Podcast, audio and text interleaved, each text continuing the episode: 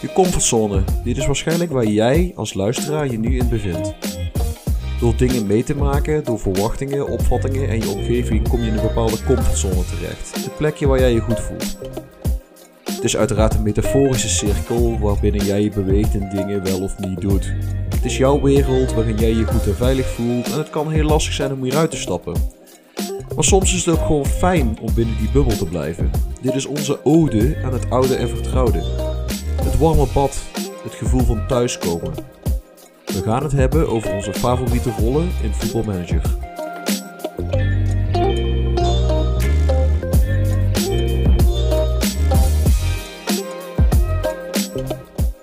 De Football Managers United podcast. Hallo lieve luisteraars en welkom bij alweer een nieuwe aflevering van de Football Managers United podcast. Mijn naam is Guido en vandaag zijn Erik en Huub, de Nusair Masraoui en Angel Di Maria bij mijn Sergio Busquets. Ja, mooi. Ik denk niet dat we kunnen kiezen vandaag.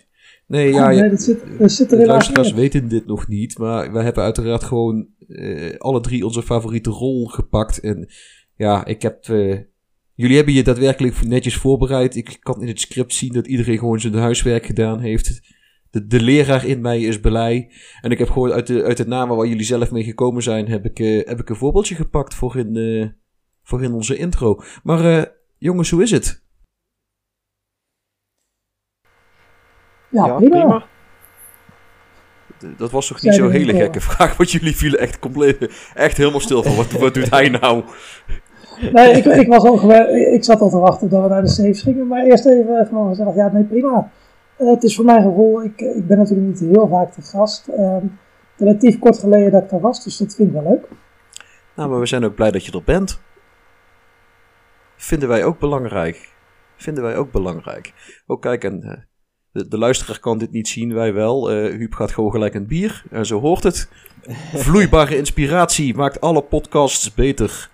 Zeker die van ons. Of in ieder geval maakt het hem, maakt het hem niet slechter. Ehm, Ik heb, er, ik, ik heb er ook een kopje thee bij staan. is dat voor als de vrouw dan langskomt om te zeggen... Nee, nee, nee, nee. Nee, dat is om mijn stembanden te smeren.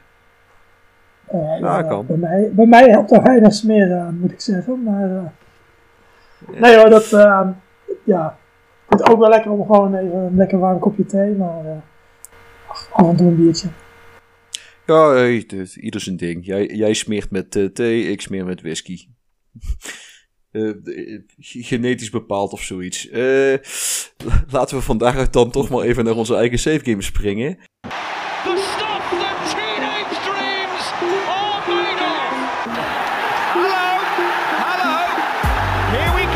Onze eigen saves. En eh Erik, vind je het oké als ik bij Huub begin? Want die is inderdaad langste niet meer hier geweest. Ja, dat is prima. En ik weet dat die FM22, eh, eh, de- zeg maar de nieuwe FM speelt, FM23. En dan wil ik ook weten, zeg maar, hoe gaat het ermee? Hoe bevalt die? Nou, ik wilde eerst nog heel even teruggrijpen. Want de laatste eh, keer dat ik eh, ehm, te gast was, had ik net het staartje van, eh, ja, ik speel nog in M18. En toen had ik me geplaatst voor de voorronde van, eh, van de Europa League met ehm Coat Eagles. Ik had eh Partick Thistle toen verslagen. En ik wilde toch wel kijken wat ging lukken tegen Brondby. Ik had er, eigenlijk zag ik er een beetje tegenop, maar ik dacht, nou, misschien kunnen we wel een stuntje zorgen. Eh, uit eerste wedstrijd wonnen we met 6-0. Dus die stunt die was er al. Eh, thuis daar nog een 1-0 aan vastgeplakt. En toen in de play-off eh, kwa- moesten we tegen Bournemouth. Eh, die hadden zich via de Premier League geplaatst. Ehm, dus toen dacht ik al dat zal een zware dobbel worden. Eh, eerste wedstrijd uit eh 4-2 verloren. Eh, niet onterecht. Dan denk je wel ja, ze zijn te sterk, maar ja, 4-2 in een uitwedstrijd er zit misschien een stuntje erin. Maar thuis was het 2-0 verloren, dus was het Europese avontuur afgelopen. En dat kwam goed uit, en toen kwam ook de beta van eh, FM23, dus toen ben ik mee begonnen. Eh, ik heb eerst, eh, om, om het spel even een beetje in de vingers te krijgen, wat met Barcelona gespeeld. Ehm, Normaal is Ja, dat een ik- easy team, maar ik weet niet, met de financiële malversaties waar die last van hebben, weet ik niet of het toch wel zo'n easy team is, eh Huub. Nou, ik, ik, ik start altijd met eh eerste, de, zeg maar zonder transfers in de eerste transferperiode. Dus dan, eh, dat geldt voor mij, maar ook voor alle anderen. Die vink ik altijd aan. Oké, Ehm, om, om- gewoon omdat ik denk, ja, als ik dan begin, dan vind ik het ook leuk om te beginnen zoals het seizoen eruit zag. En niet eh, dat er ineens nog allemaal spelers verdwijnen en bijkomen en weet ik veel wat. Eh, dus wel een gewoon bestaand startpunt nemen en vanuit daaruit eh, eh, kijken hoe het zich ontwikkelt. Ehm het pre-seizoen was een beetje niet slecht, maar had beter gekund. Eerste competitiewedstrijd was een ehm, eh, was de lokale derby tegen Espanyol. En die gingen er met 7-0 af. Dus toen dacht ik, oké, ik geloof dat ik het spel wel eh, een beetje in mijn vingers heb. In elk geval qua basis. En eh, ik had al een idee. eh, toen kwam ook de echte release. Die kwam tegen die tijd uit. Ik speel wat minder dan sommige anderen in zo'n beta-periode. Ehm, dus toen ben ik met mijn echte save begonnen die ik wilde. Ik niet meteen mee beginnen, ook met Ajax. Ik, ik, ik heb een save in Nederland. Ajax die begint dan zonder staf en dan gaan ze overal staf wegplukken. Dus ik heb gewacht op de release en tot er dan een bestandje was met staf van Ajax dat ik erin kon gooien. En dan kon ik tenminste echt goed van start. Ehm, ik speel eigenlijk met een soort eigen variant op de Youth Only. Ehm, de eerste eh, aanpassing is, ik heb, ik heb me niet aan de regels gehouden van je moet zo laag mogelijk en dat soort dingen. Maar gewoon een team dat ik gekozen heb. Dus de eerste keer dat ik het doe, ik denk, ik ga ik me niet al te moeilijk maken. Ehm, en ik vind het altijd mooi als spelers eh, ook wel weer terugkeren naar een club. Dus ik heb ook helemaal geen transfers ik afgelegd. Maar alleen spelers die opgeleid zijn door de club. Dus waarvoor ook in voetbalmanager als eerste club die club staat. Die mag ik terughalen.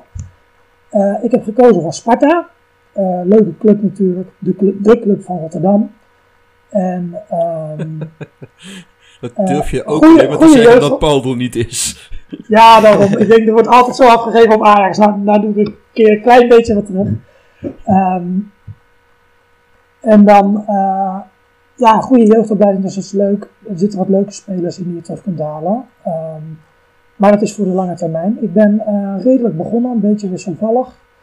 Ik sta na een wedstrijd of zeven, sta ik negende of zo. Dus, nou, aardig. Ehm, AZ uit met 3-0 verslagen. Eh, Ajax thuis stond ik in de rust met 3-0 achter. Het werd 3-2, maar daar had ik ook nog wel kans op gelijkspel. Dat was niet, niet eens per se onverdiend geweest. Tegen Feyenoord er ongenadig hard af.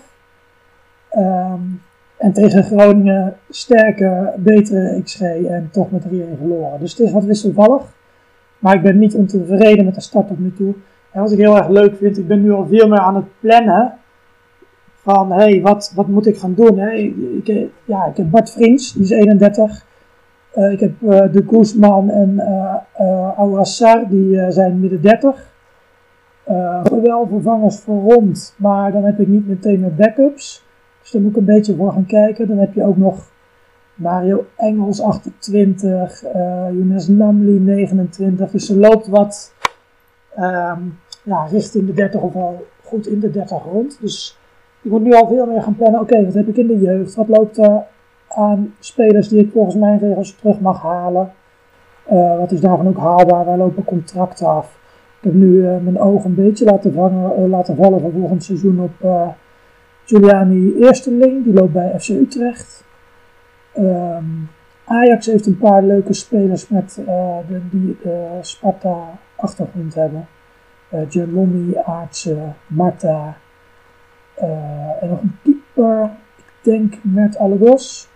Weet ik niet zeker of het die was.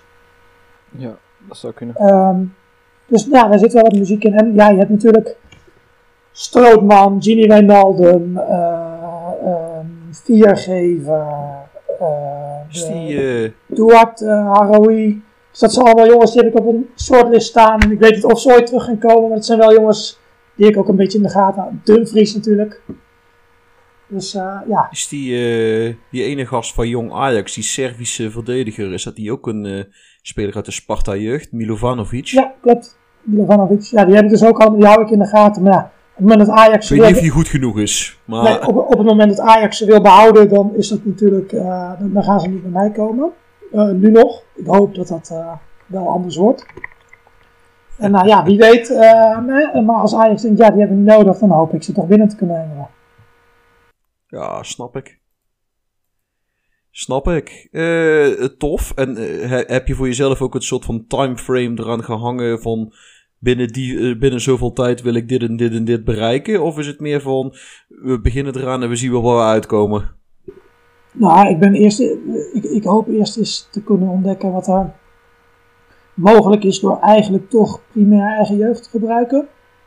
Ik zie al wel in potentie wat gaten vallen in de selectie. Uh, op rechtsback heb ik uh, Abels en Sambo, die is gehuurd. Nou, die, die verhuur ga ik sowieso niet verlengen. Um, en in Jong Sparta loopt eigenlijk geen rechtsback. In de onder 18 dan wel weer, maar ja, dat duurt nog wel eventjes. Dus ja, daarom hoop ik ook dat ik eerste link binnen kan halen. Mijn backup is Groenbast, die nu bij de amateurs loopt. Die ga Oei. ik wel kunnen overtuigen, maar ja, die is ook al 29. Maar ja, dan heb je in elk geval een backup. Uh, zeg maar. Ja, maar ik kan me Joey Groenbas nog van zijn tijd bij Go Ahead Eagles herinneren. En ja, ik denk dat we vrij veilig kunnen stellen dat het geen eredivisiewaardige voetballer is. Zelfs niet als backup. Ja, bij mij haalde die uh, de voorronde van de Europa League. Dus ik hoop dat ik dat in november weer voor elkaar krijg. Ja, goed. En mocht je nou in de toekomst toch een keer vastlopen. Uh, het scheelt dat we met Erik uh, een enorme expert op het gebied van dit soort planningen en challenges hebben. Dus ik denk dat uh, Erik uh, Huub, mag, Huub mag wel af en toe gebruik maken van je kennis, toch? Absoluut, ja, ja, ja. Dat is goed om te weten. De mailbox staat altijd open. Ja, precies. Uh, we hebben een WhatsApp groepje, dus dat kan ook nog. Dat gaat misschien zelfs nog makkelijker. Want ik, ik ja, weet niet hoe, hoe, hoe, goed jij je mail leest, maar de podcast mail die lezen we in ieder geval niet even regelmatig. ja, nee, nee, dat is waar. van daaruit maken we het sprongetje naar, naar Erik toe. Hoe gaat het met jou, Safe, jongen? Uh, ja, niet zo heel goed eigenlijk. Uh, of ja, ik heb gewoon nog maar twee wedstrijden gespeeld met Cambuur. Sinds uh, onze vorige podcast. En ik ben vooral een beetje zoekende naar een, naar een echt leuke game. Ik heb heel veel nieuwe games al wel geladen tussendoor. Maar nog niet echt iets dat mij... kan bekoren. Inderdaad, ja. Dus nu het laatste wat ik heb gedaan is eigenlijk... ik had eerst nog een heel aantal landen ingeladen voor een nieuwe Youth Only Challenge maar nog niet echt eentje echt begonnen. Met Oostenrijk was ik wat dichterbij. Was ik al een beetje in de voorbereiding. Een team uit Oostenrijk. Maar ook dat uh, lijkt het voorlopig nog niet te worden. Ik heb daar wel nog veel ideeën van landen die ik wil doen. Dus de, er gaat wel sowieso iets komen. maar voorlopig ben ik gewoon even met Ajax begonnen. Um, en ja, daar ben ik nu net. Ik heb de Johan Cruijffschaal net gespeeld en gewonnen. Maar verder ja, ben ik nog niet daar. Ja, goed. Als je, als je zeg maar een soort van side dingetje wil om een beetje zinderen te krijgen. We zijn aan het kijken voor onze eigen estafette. En Marcel doet mee en Paul doet mee en ik. Je kunt aansluiten. Je hebt alleen wel kans dat je in hele vage landen terecht gaat komen. Ja, nu moet zeggen, de landen die voorbij kwamen, die, die zag ik zeker wel zitten. Um, want ik heb toevallig uh, gisteren ook uh, zitten kijken voor of ik de Youth Only Challenge in Japan zou kunnen doen. Dus, dus wat dat betreft leek het me wel een leuk land. Um, het is alleen zo, ik ga de komende periode heel, heel weinig tijd hebben om te spelen. Dus uh, vandaar dat ik toch niet ga aansluiten bij, bij de estafette, want dan houden jullie heel lang moeten wachten. Ja, het, haalt, het, het, klopt, dat snap ik dan wel. Het zou wel het tempo er een beetje uithalen, maar ja. Jammer, onze deur staat altijd voor je open, Erik. Als je, je nou, als, je, als je je nou bedenkt, je bent van harte welkom bij ons. Dit yes, is, dit is een veilige ruimte.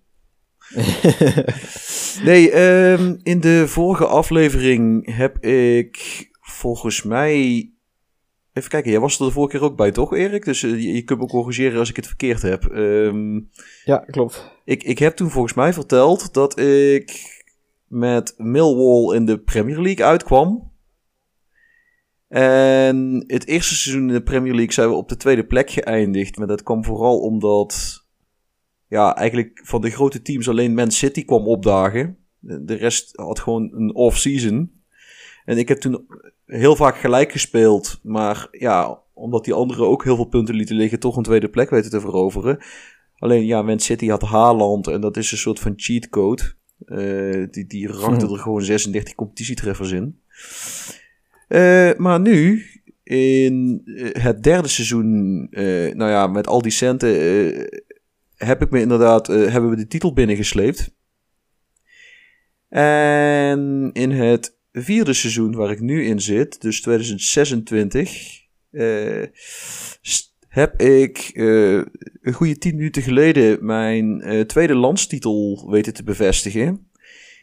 En wij gaan ook de Europa Cup finale spelen. En daarmee bedoel ik dan gewoon de Champions League finale. En daarin gaan wij uitkomen tegen Atalanta Bergamo. Heb- Verrassend. Ja, ja, ik had ook niet verwacht dat die zo ver dan komen. bedoel ik. eh. Ja, maar eh, ik heb er wel nog wat, eh, best wel wat bestaande spelers bij zitten. Ehm, ook spelers met een verleden in Nederland. Zian, Flem Zian. Zian doet nog steeds mee. Eh Zian gaat dit jaar eh, zelfs topschutter worden in de Premier League. Staat Mhm. op het moment op 29 treffers. Eh, de twee seizoenen daarvoor in de Premier League is hij op 20 doelpunten geëindigd. Maar dan moet ik er wel zeggen dat hij daar gemiddeld een stuk of 6, 7 penalties bij heeft zitten. Desalniettemin niet verkeerd. Ik heb een, eh, een speler van PSV binnengehengeld. Eh Noni Madueke heeft de overstap gemaakt naar, naar Londen. Waar hij ei- eigenlijk uit de jeugd van Tottenham kwam, is hij nu neergestreken bij Millwall voor ruim 40 miljoen. Eh, 17 treffers, 13 assists in 33 wedstrijden. Dus ik kan wel zeggen dat hij een impact gemaakt heeft. Ik heb eh, nog een speler met een PSV-verleden onder contract staan. Dat is die, eh, die gare Engelsman die PSV gehuurd heeft, Jared Brandwaite. Maar in voetbalmanager is het gewoon echt best een degelijke verdediger. Alleen eh, omdat hij Engels is, betaal je er dus eh, gewoon 40 miljoen plus voor. Eh, even kijken, verder van grote namen. Eh, ik heb Ian Maatsen, dat is ook een Nederlander. Maar die is eh, nogal blessuregevoelig. Die is al geblesseerd als iemand een keer hard tegen hem aan niest. Dus ik denk dat die na één seizoen ons weer gaat verlaten. Wat ik heel tof vind eigenlijk is dat de aankopen die ik eigenlijk voor de Perete gedaan hebben, heb, dat dat de, de leukste aankopen zijn geweest. Ik heb Todd Cantwell, Ryan Kent en Ryan Gold. Dat waren eigenlijk spelers die waren gewoon transfervrij. En die heb ik dan maar binnengehaald omdat ze op zich wel eh, eh, leuk kunnen ballen. Maar dat zijn ook van die spelers die kun je eigenlijk overal neerzetten. Die kunnen alles wel. Eh, Ryan Kent, die kan in de spits spelen. Niet dat ik die heb, maar hij kan het. Alle, alle plekken als aanvallende middenvelder en rechts en links op het middenveld spelen. Nou ja, dat zijn nou net de plekken die ik nodig heb. En hetzelfde geldt eigenlijk voor eh, Ryan Gold. Dan heb ik het over die schot die wat eh, een tijdje bij Sporting Portugal onder contract gestaan heeft. Die heb ik vanuit de MLS eh, binnengehengeld. En ja, die scoort als invaller, pikt hij toch ook echt zijn doelpuntjes mee. En tot Cantwell heb ik bij Norwich opgepikt. Maar die staat gewoon op 12 assists in 25 wedstrijden. Terwijl die de helft van de wedstrijden gewoon als invaller in het veld komt. Die heeft gewoon een hele lekkere trap. Die speelt als eh, white playmaker links op het middenveld. En die trapt gewoon alle ballen eh, cross over de verdediging heen. Ja, en op rechts staat dan Noni Madueke. En ja, die rent wel. Het is een... eh, het is niet echt een Koen Special, hè? Wat hadden we gezegd? Van Koen Special moest je 16 of meer hebben voor, voor pace en acceleration, toch? En, Eh, 15 of meer, dacht ik. 15. eh, Oké, dan is het wel een Koen Special. Eh, Misschien net. No- Noni staat op 15 voor acceleration en 16 voor pace. Eh, ja, dat doet, hij dus, eh, dat doet hij dus gewoon heel erg goed. En ja, hij Ja, is, Noni is eigenlijk te goed voor een Koen Special te zijn, hè, vind ik. ja eh, Koen Specials zijn, eh, zijn inderdaad wel eh, redelijk eendimensionaal. En, en Noni kan wel echt dingen met een bal. Ja, voilà, dat bedoel ik. Ja, nee, nee, nee dan moeten we dat, eh, dan moeten we dat labeltje er toch weer van afhalen. Het is geen Koen Special. Ehm, oh, eh, en, en dit is trouwens een aanbeveling voor als jullie de kans krijgen om te kopen. Eh, Alberto Molero. Een, een onvervalse Spaanse wonderkid van Las Palmas. En die is nu, bij mij is hij nu 20 en hij is, dit seizoen is hij echt los.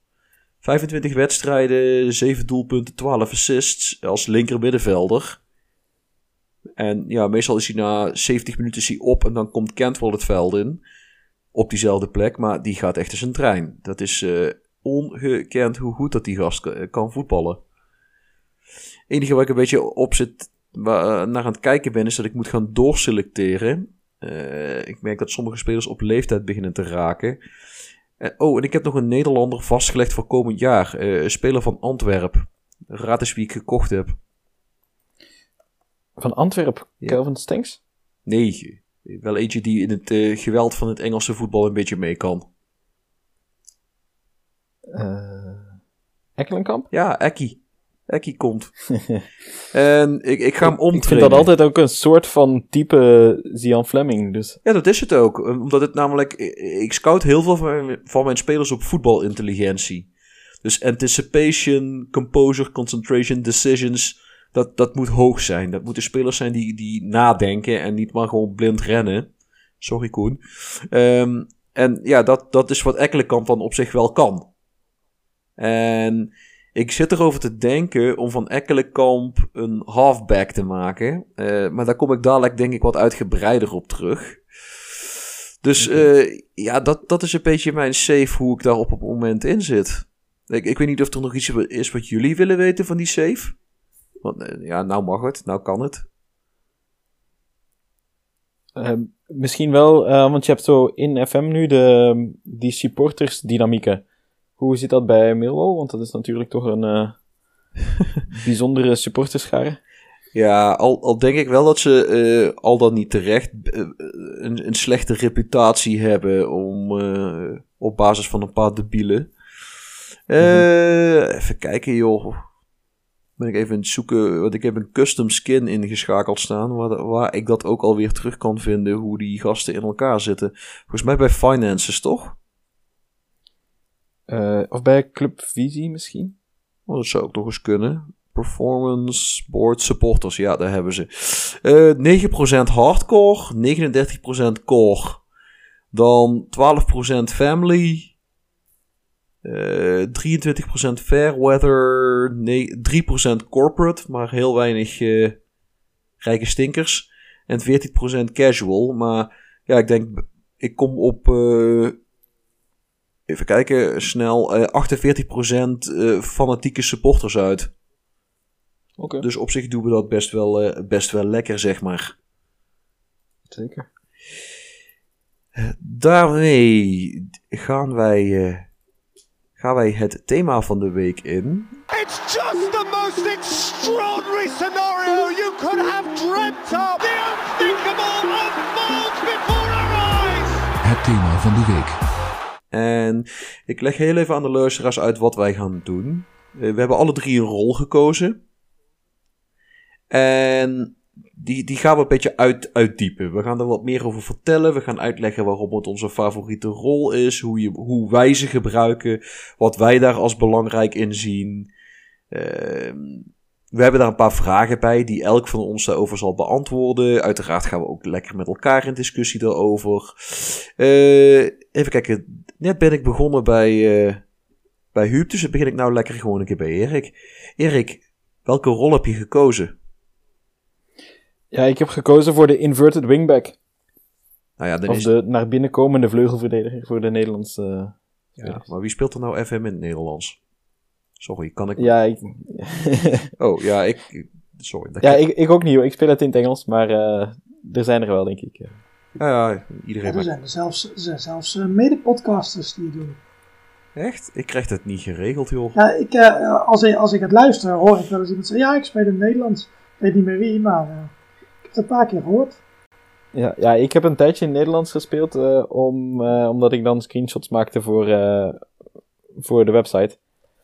Eh, dus, dus ik ben eigenlijk, eh, in FM ben ik een soort van tweetalig.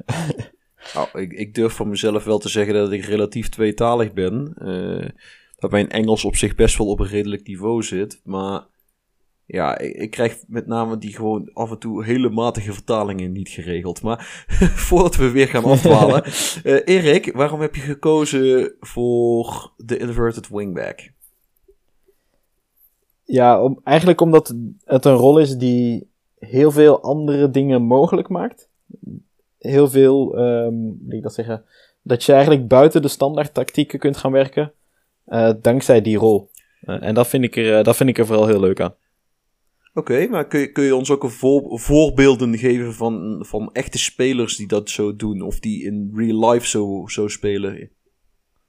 Ja, op dit moment, ja, we hebben Mazraoui natuurlijk net al genoemd in de, in de intro. Eh, ik denk dat verder eh, Cancelo een, eh, een heel bekend voorbeeld is.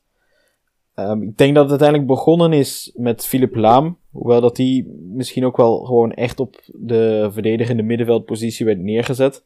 Waardoor dat iets minder meetelt. Maar ja, dat zijn zo een beetje de, de bekendere voorbeelden op dit moment. Oké, en eh, niet dat ik het niet weet, maar eh, wat doet een inverted wingback? Ja, dus in, in tegenstelling tot de klassieke wingback, die eh, vooral bezig is met er overheen denderen, zal de inverted wingback, zeker als je hem op aanvallend zet, vooral binnendoor gaan opstomen. Eh, het leuke is aan de, wingback, de inverted wingback, je kunt hem zowel verdedigend, ondersteunend als aanvallend instellen. Ehm, als je hem aanvallend instelt, ja, zoals ik al zei, dan gaat hij dus echt wel helemaal oprukken tot in het strafschopgebied van de tegenstander door het centrum dus. Eh, als die op ondersteunend staat, dan zal die, eh, zal die wat eerder stoppen. En komt hij meer zoals een soort van verdedigende middenvelder te spelen. Oké, eh, nou je hebt al, je hebt al een beetje... En heel even, Erik, als je hem eh, op verdedigend eh, zet, want vaak staat er een centrale verdediger naast. Wat, eh, hoe, hoe lost dat zich dan op? Ja, meestal schuift hij er eigenlijk er net voor. Ehm, maar als dus de centrale verdediger zou inschuiven, zoals je bijvoorbeeld in het echt bij Ajax ziet, dan zal hij gewoon naar binnen knijpen, om het zo te zeggen. Ja, helder. Ja, en eh, ik denk dat je daar op zich al een, eh, een, een, aardig begin hebt gegeven. Maar eh, hè, de volgende vraag is natuurlijk: hoe beweegt die speler dan bij balbezit, balverlies en bij die omschakelmomenten? Wat kun je, wat kun je ons daarover vertellen, Erik? Ja, eh, op zich, bij, balverlies is het een. ja, hij staat hier eigenlijk gewoon als back. Dus, dus daar is niet zo heel veel bijzonders aan. Ehm, dan bedoel ik vooral als het balbezit bij de wat langer bij de tegenstander is. Ehm, het leuke eraan vind ik, zeker als je hem als ondersteuner gebruikt, dat hij dus echt ehm, bij jouw balbezit als een soort van verdedigende middenvelder staat. Waardoor dat hij daar ehm, bij balverlies in eerste instantie de counters door het midden eruit kan halen. De, de vaste luisteraars van deze podcast zullen vast al wel gemerkt hebben dat ik vrij veel bezig ben met eh, restverdediging. Altijd. Eh, en dan wil ik altijd vooral iemand in het centrum houden. En dat moest eigenlijk altijd met, met spelers die eh, als middenvelder speelden. En dat vind ik het grote voordeel van, van deze rol. Je kunt je middenvelders gewoon laten aanvallen. En je, je inverted wingback, die neemt eigenlijk hun plaats in. Oké, dus eigenlijk eh, stelt de inverted wingback dan bijvoorbeeld de Mezzala of de vleugelspeler in staat om, om aanvallender te spelen en verder naar voren toe door te stoten. Ja, inderdaad. Dus als dan de, de Mezala of als je dan aanvallen, gewoon een centrale middenvelder op aanvallen. Zo had ik dat eh, vorig jaar in, in mijn game in Polen. Had ik dat zo ingesteld. Dus ik had een aanvallende middenvelder op aanvallen. Eh, en aan die kant stond er dan een inverted wingback. Die ging eigenlijk dat gat opvullen. Oké. Dus eh, eigenlijk is het de, een, een balansbewaker als je hem op die manier wil, in, eh, wil inzetten. Ja, ik was net al eventjes aan het twijfelen om het, eh, om het woord erin te gooien. Eh, het is inderdaad, eh, zeker op ondersteunen is het een, is het een perfecte balansbewaker. Ehm, ja, inderdaad, dus om, om daar die ruimtes op het middenveld te gaan invullen. Nee, ik snap wat je bedoelt. Ik bedoel, als het equilibrium van de, van de ploeg in gevaar komt, dan is zo'n speler de ideale speler om als een soort van lijm te dienen tussen de linies. Ja, nee, inderdaad. En, en als je hem dan nog iets aanvallender zet, eh, en je zorgt ervoor dat eh, het middenveld genoeg open gaat, of, om het zo te zeggen, eh, dan, dan stoomt hij echt gewoon helemaal door naar, naar het strafschopgebied van de tegenstander. En dan zien we toch vaak dat de, de tegenstander daar niet op rekent en dat, dat er eigenlijk niemand is om die, die speler op te vangen. En dan kan hij ook wel zijn doelpuntjes meepikken. Ja, dat, dat, dat herken ik zeker wel. Want als je dan inderdaad niemand in die, in die half spaces hebt opgesteld bij jezelf. Dan, dan is het bijna alsof je een inside forward hebt die van, vanuit de backpositie begint. Ja, inderdaad. En, En dat Dat werkte dat bijvoorbeeld heel, heel goed. Vorig jaar in mijn eh You Would Only Save in Polen. en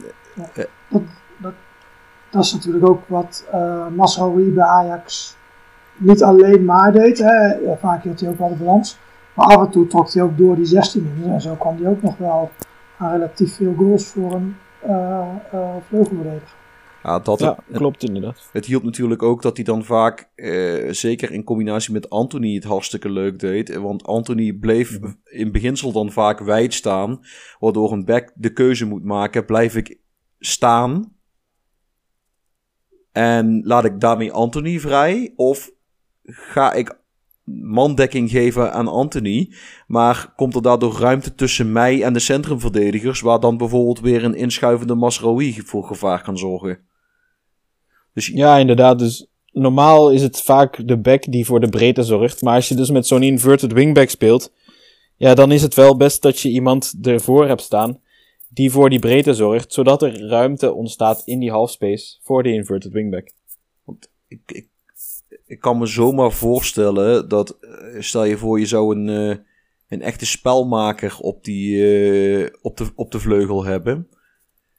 Dat je op die manier die spelmaker wat meer tijd aan de bal kunt, kunt geven. Als je, als je ervoor zorgt dat de, centrum, sorry, als je ervoor zorgt dat de verdediging compact blijft staan, dan kan je daardoor een spelmaker op de vleugel vrij spelen.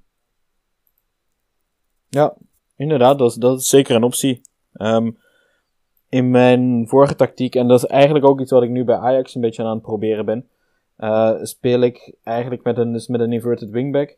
En daarvoor speelt dan een eh, defensive winger, die het veld eh, breed houdt, maar ook ja, niet te ver mee naar voren gaat, waardoor dat de, de, de back van de tegenstander ook echt wel gaat doordekken. En dan ontstaat er enorm veel ruimte. Ja, en ja, dat vind ik trouwens een bijkomend voordeel van de inverted wingback. Eh, omdat hij zoveel, zeg maar, naar binnen toe komt, eh, zie je automatisch dat hij best wel veel crosspassen speelt. En Mhm. ik heb af en toe gezien dat die gast, eh, gasten ongekend veel assists bij elkaar speelden. Gewoon omdat die, ja, ik weet niet, de, ze krijgen vaak inderdaad, wat, wat jij net ook al zei, Erik, ongekend veel tijd aan de bal om, om gewoon op te rukken en hun ding te doen. Omdat ze gewoon niet fatsoenlijk worden opgepakt. En ja, als je dan ook nog eens een back hebt die gewoon een, een, een goede lange bal in huis heeft, dan. En je zorgt ervoor dat er een beetje beweging voor hem is, dan. dan laten we het ophouden dat hij makkelijk de dubbele cijfers qua assist kan halen dan. Ja, inderdaad. Zeker als ik eh, met een inverted wingback op, eh, op ondersteunen, dus op support speel, dan, dan is eigenlijk de passing een van de eerste dingen, een van de eerste attributen waar ik naar kijk. eh, dat, dat toch wel belangrijk is voor die speler. Absoluut. En, nou ja, en dan komen we bij de lastigste vraag. Eh, hoe zou je hem zelf gebruiken, de inverted wingback? Wat is, wat is jouw favoriete manier om de inverted wingback in te zetten? Nou, het, grote succes dat ik vorig jaar had in Polen stond mijn inverted wingback op, eh, op attack. Stond er voor hem een defensive winger op support om het veld breed te houden. Eh, en dus eh, aan de rechterkant, centraal op middenveld om het zo te zeggen, stond een aanvallende middenvelder op attack. Die dus, waardoor dat er eigenlijk met twee spelers tegelijk steeds door het midden doorkwamen. Het was een, een strikerless formatie, dus dan ja, staan de verdedigers daar in eerste instantie lucht te dekken, gaan ze twijfelen om door te stappen en dan komt er ineens twee man op hun af. En dat werkte, dat werkte heel goed. Kijk, dat is het betere werk. Eh, Ik heb, ehm, de- ik heb nog wel een vraag, eh, Guido. Eh, ik ben benieuwd hoe jullie daar naar kijken, want ik weet dat jij het ook wel een leuke rol vindt, Guido. Ehm, in, in, in voetbalmanager valt mij op dat ze daar toch nog wel heel erg het idee hebben van een inverted wingback.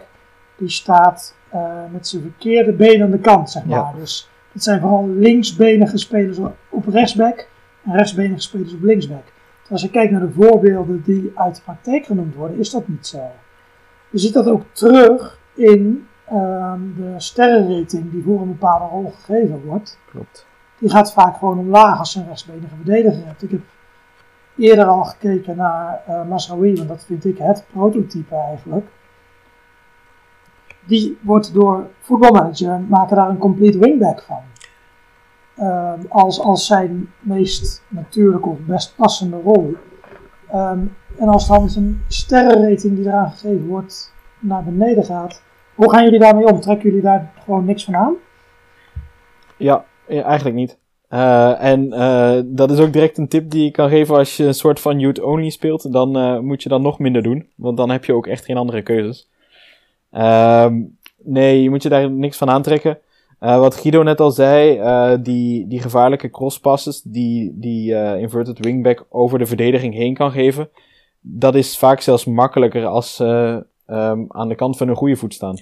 Precies, want dan Dus draait, wat hij, dat betreft... eh, draait hij een beetje ja. terug naar binnen toe. In plaats van dat hij ja, zeg maar naar het doel toe draait. Als jij als rechtsback naar binnen komt en je geeft met links een crosspaas. Dan draait die bal normaal gesproken. Als je met links geeft, draait die bal naar de keeper toe. En dat is eigenlijk wat je misschien niet wil. Want dan, als je dan een beetje een handige en snelle sweeperkeeper hebt, dan heeft die bal geen zin meer. Maar als je met rechts geeft, dan draait hij iets naar de buitenkant toe. Waardoor het voor een verdediging lastiger is om erop te anticiperen. En dan kijk je dus vooral naar de attributen die een speler bezit en die jij nodig vindt voor de rol die hij vervult. Helpt voetbalmanager natuurlijk ook een beetje bij door die te highlighten, maar soms heb je er zelf ook nog wel andere ideeën bij. Uh, dus Ja. je kijkt dan vooral naar die attributen ehm, en misschien andere kenmerken van hey, is het een speler die die rol zou kunnen vervullen. Ja, klopt inderdaad. En dan, ehm, als ik hem gebruik op support, dan, dan is dat bijvoorbeeld vooral het positie kiezen. Ehm, dat ik wel belangrijk vind, het zonder bal en de passing. Omdat hij dus echt als een soort van verdedigende middenvelder gaat spelen, ook in de opbouw, waar dat hij dan vaak een heel belangrijke rol krijgt. Ehm, als je hem op aanvallen gebruikt, dan, eh, dan kijk ik ook meer naar bijvoorbeeld de snelheid. Eh, omdat hij dan echt wel eh, binnendoor moet komen. En als het even kan, is het ook wel handig als hij een beetje kan finishen. Omdat hij vaak alleen op de keeper komen dan. Ja, wat, wat Erik zegt, het, het is eigenlijk een hybride rol. En eh, het is een, deels de attributen die je bij een back zou verwachten, maar ook deels de attributen die je gewoon bij een controlerende middenvelder zou verwachten. Dus het is niet voor niks dat, dat die speler zowel verdedigend als aanvallend wat moet kunnen. En vandaar dat het ook regelmatig gebeurt dat eh, inverted wingbacks ooit middenvelders waren die op die plek gezet zijn. Of wingers die zijn omgetraind om wat verder terug te gaan spelen en, en, en, en het op die manier aan te vliegen. Eh, het is trouwens iets wat in voetbalmanager ook oprecht goed werkt. Als je een speler hebt die eigenlijk een controlerende middenvelder was, maar daar misschien net niet helemaal aan de bak komt, maar je traint hem om tot rechts of links back.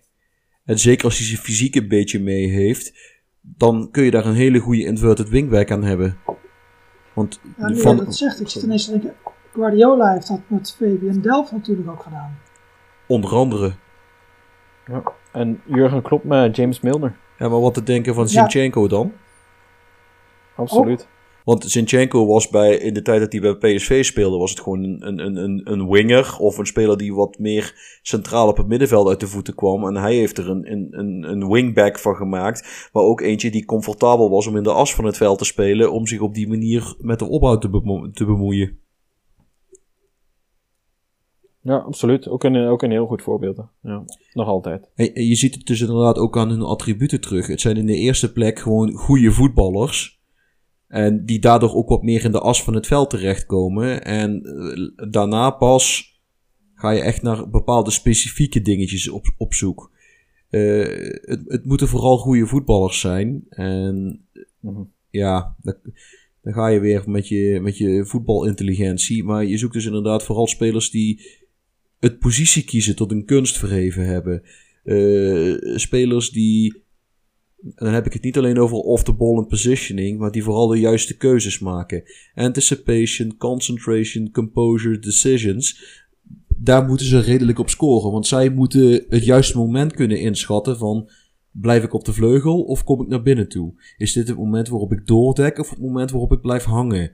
Uh, is dit een moment om de crosspaas te geven of om de bal in de ploeg te houden? Want uh, als ik de bal kwijtraak daar, sta ik zelf ook niet meer in de positie waar ik eigenlijk zou moeten staan.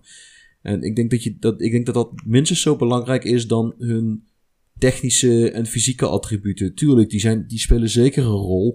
Maar het gaat denk ik vooral om het herkennen van het moment. Uh, wanneer kom ik naar binnen toe of wanneer niet. Want als je een uh, complete kneus daar neerzet die, niet kan, die, die het niet ziet, dan is het leuk dat hij elke keer naar binnen beweegt. Maar als hij het op het verkeerde moment doet, of hij blijft daar te lang hangen en is te laat met terug naar zijn positie gaan, dan heb je er niks aan.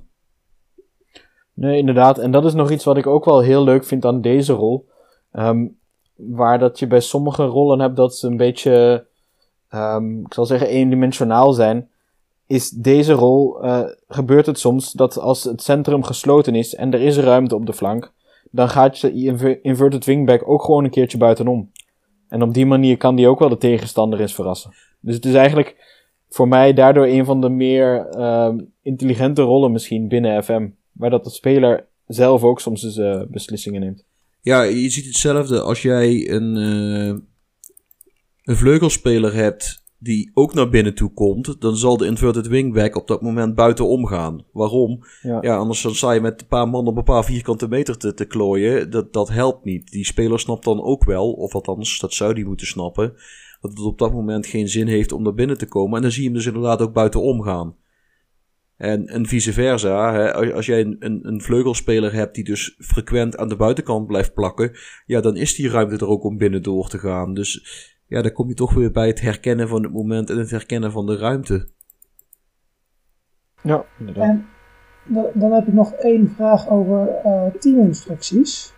Want uh, met name als je op het tekst speelt, wat er dan gebeurt, is natuurlijk een underlap op die flank heeft het dan nog, eh, zeg maar, voegt het dan nog iets toe om dat aan te vinken? Of zeg je dat gebeurt toch al, dus daarmee maak je er juist een overkill van?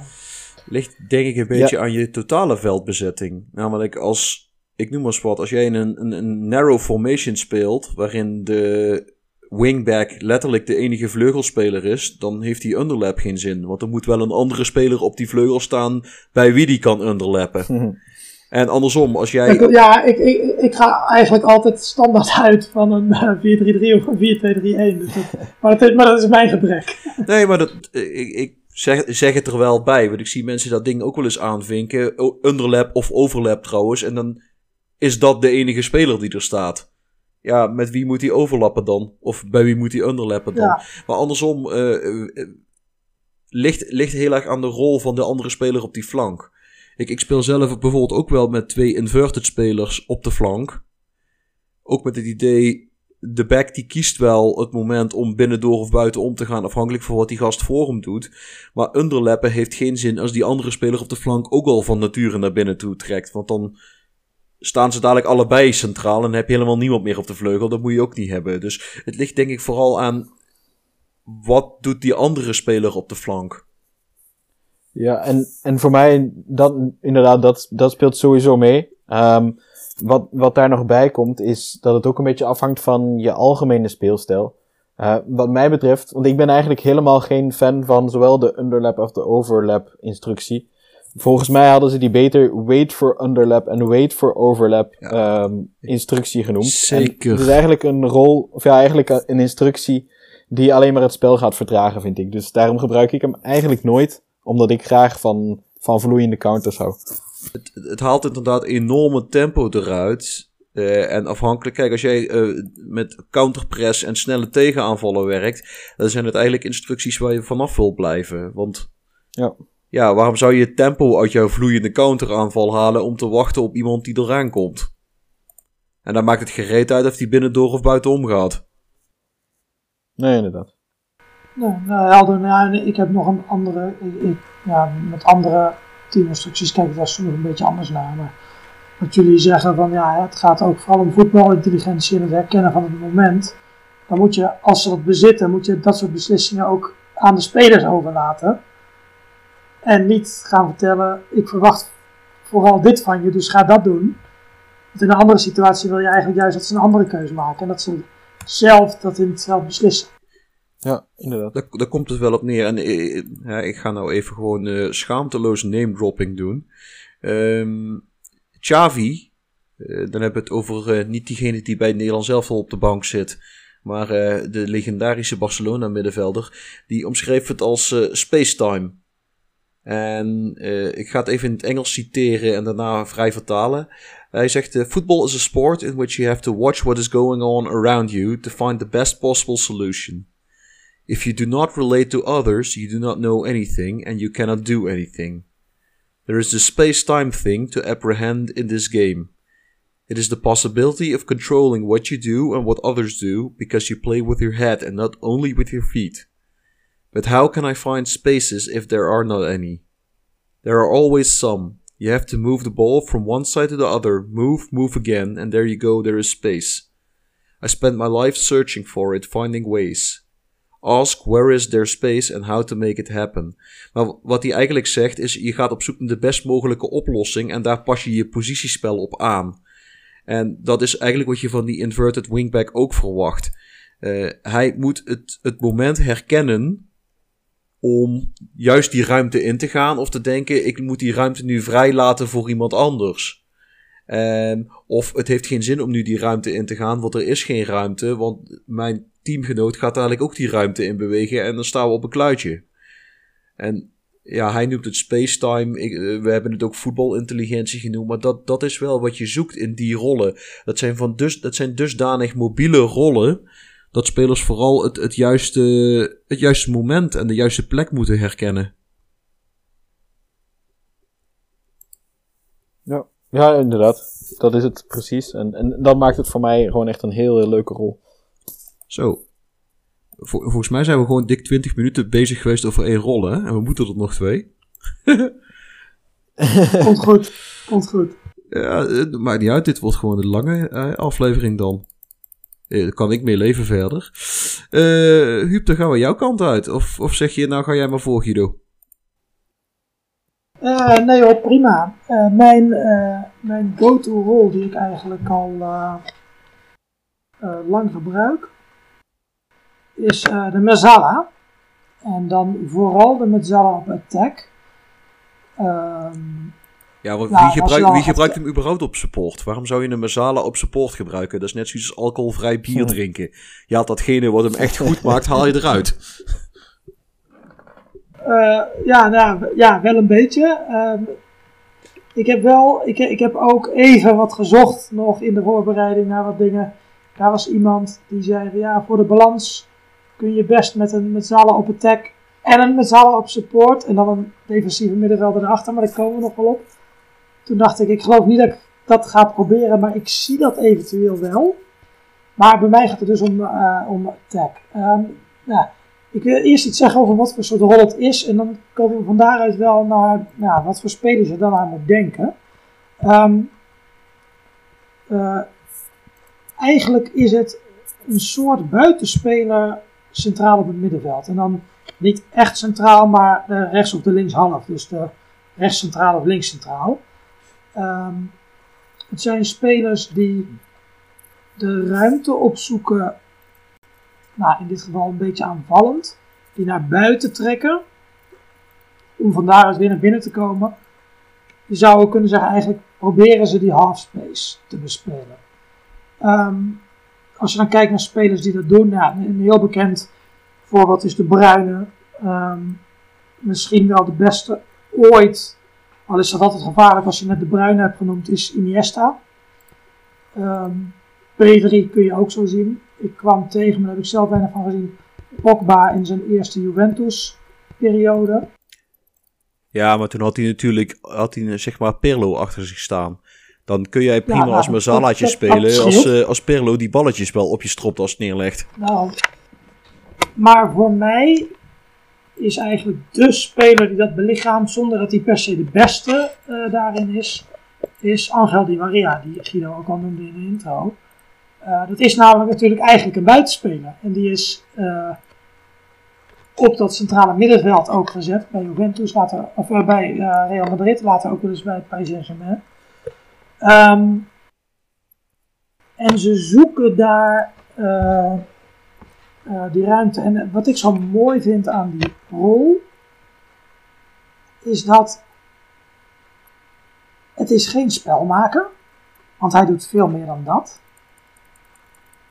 Maar hij heeft wel ook echt die creativiteit. Het is echt een combinatie van de creativiteit, maar ook de aanvallende loopacties. Ehm, dus hij, hij, hij biedt meer creativiteit dan een eh, centrale middenvelder op attack. En hij biedt meer loopvermogen en, en ook aanwezigheid in de 16 dan een eh, spelmaker. Zij combineert die twee rollen eh, voor mij heel mooi. Nou, ik zei al een beetje, hij, heeft geen, hij zoekt die ruimte, dus hij heeft niet echt vaste looppatronen. Maar hij zwerft ook niet, want hij doet wel echt, hij maakt wel echt keuzes, maar het zijn verschillende keuzes. Ehm, hij, vaak is hij de underlap, maar als je een buitenspeler hebt die naar binnen komt, dan kan die ook juist wel eens eroverheen gaan. Gaat hij nooit echt helemaal naar de zijlijn, maar wel ja, in dat gebied zeg maar, tussen de 16 en de zijlijn. Daar kan hij wel af en toe uitkomen om dan ook de bal weer de 16 in te spelen. Hij zoekt wel die ruimte aan de buitenkant, maar hij trekt daarin ook wel weer naar binnen. Dat, dat, ja, dat vind ik heel aantrekkelijk aan die rol. Zeg, zeg je nou eigenlijk gewoon dat het een speler is met een hoge voetbalintelligentie die de juiste, de juiste tijd en plek moet herkennen voor het maken van zijn actie, Huub? Uh, ja, ja, ik denk dat dat een beetje de gemene, wel een, of misschien wel de gemene deler is van de rollen überhaupt die we hebben uitgekozen. Uh, interessant om te kijken wat, uh, waarom wij die rollen dan zo aantrekkelijk vinden. Maar, uh, nee, maar dat, dat, ja, dat heeft hij wel nodig. Tegelijk heb ik ook wel gezien dat spelers die dat misschien iets minder, of relatief iets minder bezitten, daar toch wel uh, ook wel goed in kunnen presteren. Bij mijn Ahead 7 in FM18 deed uh, Oran Zepar het fantastisch in die rol. Um, nou was hij daar sowieso beter dan dat hij in het echt uiteindelijk geworden is. maar ja, zeg maar, met, met, met, met loopvermogen, passing uh, en, en first touch kom je al een eind. Al helpt een beetje flair en een beetje vision helpt ook nog wel redelijke understatement dat een beetje flair helpt. Maar ik denk wat, wat hem ook zo attractief en effectief maakt, is dat het, uh, het is een atypische speler voor de positie waarin hij staat. En dan grijp ik even terug naar het voorbeeld van, uh, van Di Maria, die qua lichaamsbouw en speelstijl eigenlijk gewoon echt een traditionele winger is. Het is een ranke, bewegelijke, snelle speler. En dat soort spelers kom je meestal niet op een centraal middenveld terecht. Dan kom je toch weer meer de krachtpatsers tegen, de mannen met het loopvermogen, die ook kunnen bikkelen en buffelen. En ja, laten we heel eerlijk zijn, het zijn meestal niet de meest technisch verfijnde spelers. Meestal, en ik generaliseer. Maar die, dat zijn ook de spelers die vaak kwetsbaar zijn als ze in een 1 tegen 1 met zo'n speler gebracht worden. Dus op het moment dat jij die, die Mazala opstelt uh, en, en je hebt een goede speler, dan kan die een ontzettend gevaarlijke speerpunt zijn. Alleen, verdedigend gezien neem je wel ook een risico. Want het is een ranke buitenspeler. Dat is inderdaad ook niet de speler die je in de 1 op 1 duels gezien uh, wil krijgen in verdedigend opzicht. Want dan blaast zo'n box-to-box middenvelder, die blaast er dan gewoon overheen. Dat, dat zou hetzelfde zijn. Uh, hè, gaan we als je Angel Di Maria liet spelen in verdedigend opzicht tegen Paul Pogba. Want dan blaast Pogba er gewoon overheen. Dat, dat gaat hem dan weer niet worden. Maar het is een, een calculated risk. Je neemt een risico in aanvallend opzicht in de hoop dat het zich uitbetaalt. En verdedigend zul je op de een of andere manier moeten compenseren om. Uh, ik ga het woord balans even vermijden, maar uh, om het evenwicht te bewaren. Ja, klopt. Ja, en daarvoor is de inverted wingback uh, ideale toevoeging. Oh, cirkeltje. Ik, ik, ik, ga eens, ik, ga, ik ga hem eens uitproberen als ik een, een, een, een, een goed genoeg uh, backup met uh, kwaliteiten die daarvoor uh, uitkomen. Um, nee, wat, wat hij wel doet, um, want ik ben het helemaal met je eens, Guido. Maar bij balverlies is het wel ook een fijne speler. Wat hij wel goed kan ook, meer bijvoorbeeld dan een spelmaker, is druk zetten. Ehm, en het valt mij op dat als de tegenstander een eh, defensieve middenvelder heeft, dan is dat wel de man die vanuit het middenveld doorstapt om eh, eh, die een beetje vast te zetten. Ehm, zonder dat ik dan per se verwacht dat hij daar het duel wint. In gewoon nou, daar wat afschermen heeft hij natuurlijk defensief ook al een functie. En als hij dan af en toe een duel wint, is dat mooi meegenomen. Ehm, dus het is niet dat hij verdedigend volledig waardeloos is. Maar dat zei ik ook Maar, niet, maar ja, je wil... Nee, nee, klopt. Nee, nee, nee, nee. Maar dat is, ehm, ja, nou, hij, hij heeft zijn waarde, maar verwacht er niet te veel van. Precies, eh, zeker in het druk zetten denk ik dat je absoluut gelijk hebt. Dat, eh, daar, daar kan die on- ontzettend waardevol in zijn. Maar je wil hem inderdaad niet in een situatie komen waar hij in de buurt van zijn eigen 16 een, een mannetje moet gaan uitschakelen of, of met zijn man mee moet lopen. Eh, want dan kan hij wel eens een probleem krijgen. Ja. Ik denk dat dat een, eh, een mooie samenvatting is zo. Ja, nou, ik, zal- ik zal nog eens heel even kijken nu, want over die voetbalintelligentie. Bij mij, eh, ik, ik speel dan nu meestal met eh, Sven Meijnans Maar dat is geen... bij Sparta. Ja. Wat zou- je zeggen, Guido? Nee, ik wilde zeggen dat ik Sven eh, in het algemeen een, een, een, redel, een, een redelijk intelligente speler vind. Niet eentje die het moet hebben van een geweldige fysiek eh, of, of, een, of een imposante techniek. Maar vooral een speler die vaak op de goede plek sta- staat. Ja, klopt. Tegelijk, als ik hier nou kijk, dan heeft hij voor, voor techniek heeft hij 14. Daar komt eh, van zijn mentale attributen komen alleen eh, vision en work rate hebben dat ook. En flair is een 10, decisions is een 10, composure is een 7, anticipation is een 12. Eh, en toch voldoet hij heel goed in die rol. Ja, maar je hebt voor de Ehm. eredivisie zijn dat op zich prima attributen, hè? Nee, dat, dat, dat is er zeker als je eh, niet voor het kampioenschap speelt in de Eredivisie. Composure een 7 mag wel wat omhoog natuurlijk, maar dat gaat vast ook nog wel gebeuren. Eh, een beetje. Leeftijd is een dingetje. Ehm, ja, klopt. Dus dat. ehm, maar. eh, ja, nee, dus daarin is het een, een, een leuke speler, maar hij is voor mij echt. En dat verwacht je niet per se met die attributen. Al helpen, helpt met name de, de, visie wel natuurlijk. Eh, hij is voor mij wel echt creatief mijn belangrijke speler. Ehm, maar ja, dat heeft dus ook te maken met die rol en eh, zijn positionering. En de, de, de plekken die hij kiest waar hij aan de bal komt. Wat ik heel grappig vind om te zien is dat bij een doeltrap, dan kiest hij bijna een positie naast de spits. Ehm, maar nou is dat ook een iets teruggetrokken rol, die spits. Niet enorm, maar wel een beetje. Dus ehm, dan kiest hij echt positie daarnaast. En vervolgens, zodra het kopduel aangegaan wordt, dan valt hij vaak heel snel weer terug, wat meer richting het middenveld om daar eh, ballen op te vangen. Of juist als de spits het duel wint, gaat hij, gaat hij de diepte in. Ja. het, het- het is inderdaad vooral een, een, een veelzijdige rol. M- mits je inderdaad de rest van het team ook zo instelt dat je hem in zijn kracht gebruikt. Je zult hem wel moeten Ja. en enabelen om zijn. eh, wat trouwens een vreselijk lelijk woord is, enabelen. Je moet hem vooral in zijn kracht gebruiken. En dat betekent ook dat je de randvoorwaarden moet creëren waarin die kan presteren. Ja. Nee, klopt. Nou, ik had nu, ehm, had ik op dezelfde flank had ik een inverted winger op support. Die gaan elkaar best wel in de weg lopen. Eh, was in elk geval bij mij nu zo. En op het moment dat ik die inverted winger op attack zette, eh, loste ik eigenlijk dat probleem al op. Precies, want dan kan die Ehm. winger met zijn loopacties ruimte maken. Waar vervolgens die, die Mazala daar weer in kan duiken. Ja, maar, maar dat zijn dus wel dingen om in de gaten te houden. Ja, en andersom, dus dat, ja, dat, dat kan ook hè, als je, eh, wat eh, Erik zei, als je een inverted wingback hebt, dat is een heel mooie combinatie.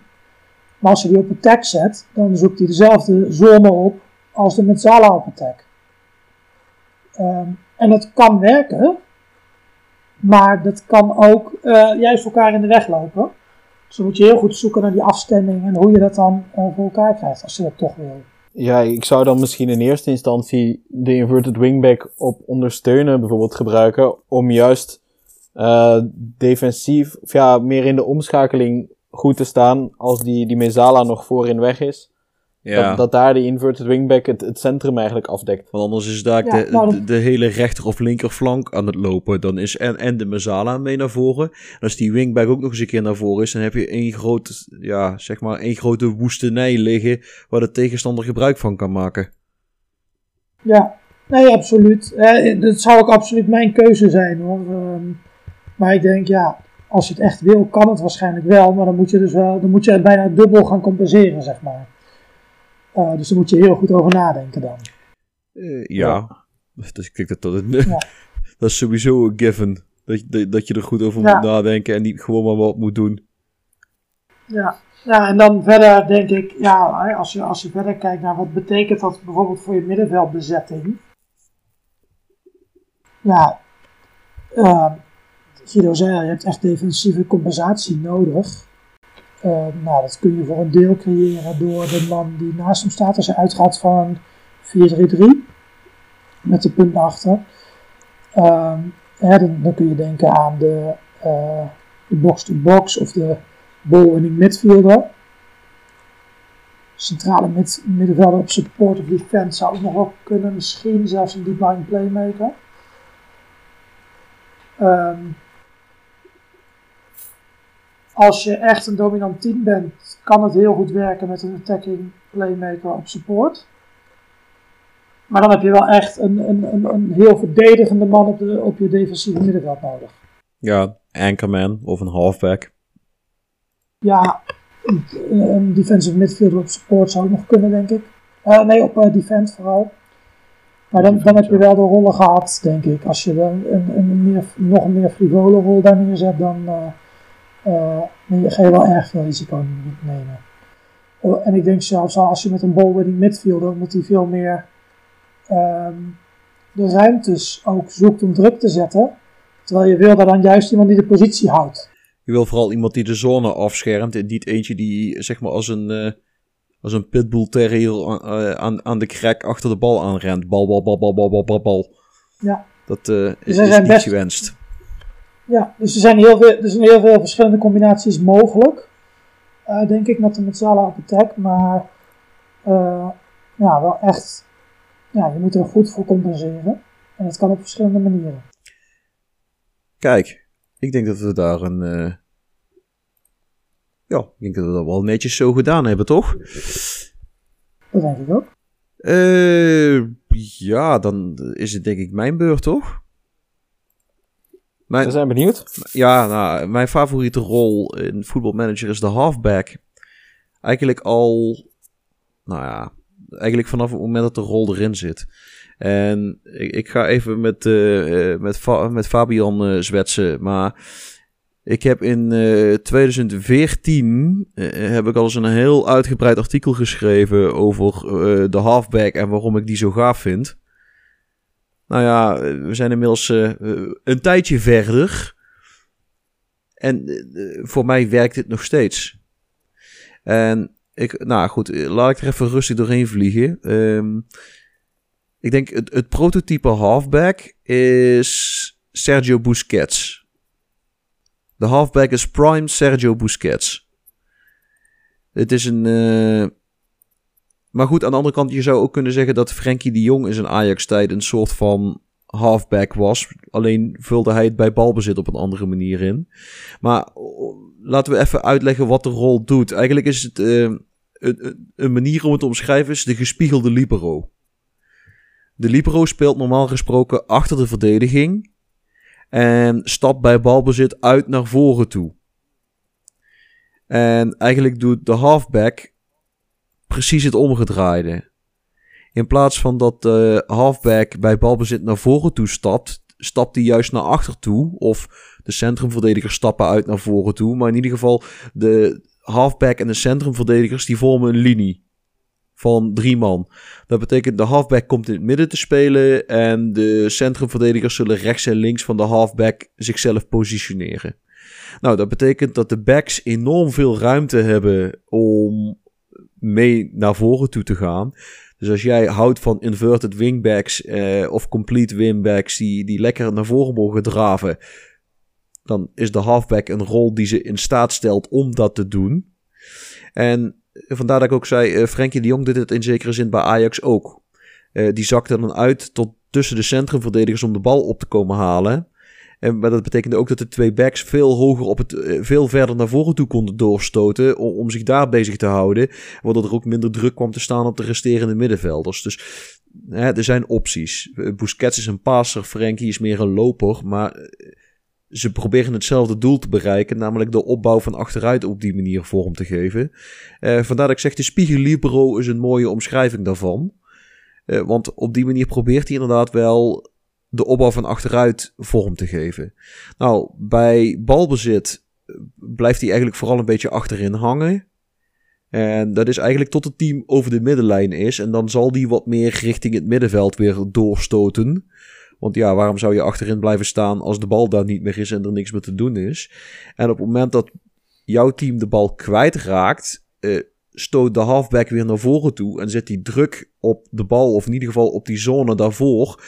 En daarmee probeert hij voor de centrumverdedigers tijdwinst te, te bereiken, waardoor dat zij weer hun oorspronkelijke posities in kunnen nemen.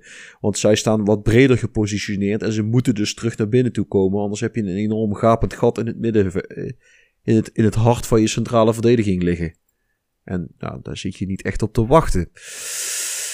Dus dat is wat de halfback doet qua beweging. Um, ook, ook de halfback zou ik omschrijven als de ultieme balansbewaker. Uh, want in zekere zin helpt hij je met de opbouw. Maar het is ook een speler die met name defensief gezien uh, de balans bewaakt. Hij, hij speelt vooral in het verdedigende middenveld. En hij staat of tussen de centrumverdedigers in om te zorgen dat alles een beetje loopt. Of hij dekt de ruimte daarvoor af en zet druk op een tegenstander in balbezit. En daarmee, ja. Ik zal niet zeggen dat hij de, het kloppende hart van je team is, want dat is overdreven. Maar het is wel een, een sleutelspeler. Als hij niet lekker in de wedstrijd zit, dan heb je een probleem. Hij is eigenlijk je metronoom. Hij, hij bepaalt een beetje het, het, het ritme, uh, met name in de opbouw van achteruit. Ik denk dat dat wel een leuke omschrijving is. je metronoom. En of hij dat nu doet met passing of met dribbeling. Hij, hij bepaalt het ritme. Ja, inderdaad. Uh, ik ben zelf de rol ook een beetje aan het gebruiken. En uh, ja, ik, uh, ik zet meestal tijdens de wedstrijd de, de statistieken open van het aantal passes dat mijn spelers verzonden hebben. En dan, dan zie je inderdaad hoe belangrijk dat, dat die speler is in de opbouw. Eh, zeker als je een kortere passingstijl gebruikt en niet, niet snel naar de lange ballen grijpt. Ja, dan is, dan is dat een enorm belangrijke rol om erbij te hebben. Ja, inderdaad. Dat, het is je, ja, je vormgever is het niet. Want dan, dan zit je meer te denken aan bijvoorbeeld de regista. Die zich echt aanvallend ook heel erg met de opbouw bemoeit. Maar het is meer een speler die, uh, ja, je metronoom, die bepaalt het ritme. En tegelijkertijd is het overigens ook een kwetsbare speler. Want als, je, als de tegenstander de halfback weet uit te schakelen, dan heb je een probleem. En, en niet zo'n beetje. Dan, dan kom je er van achteruit niet meer uit.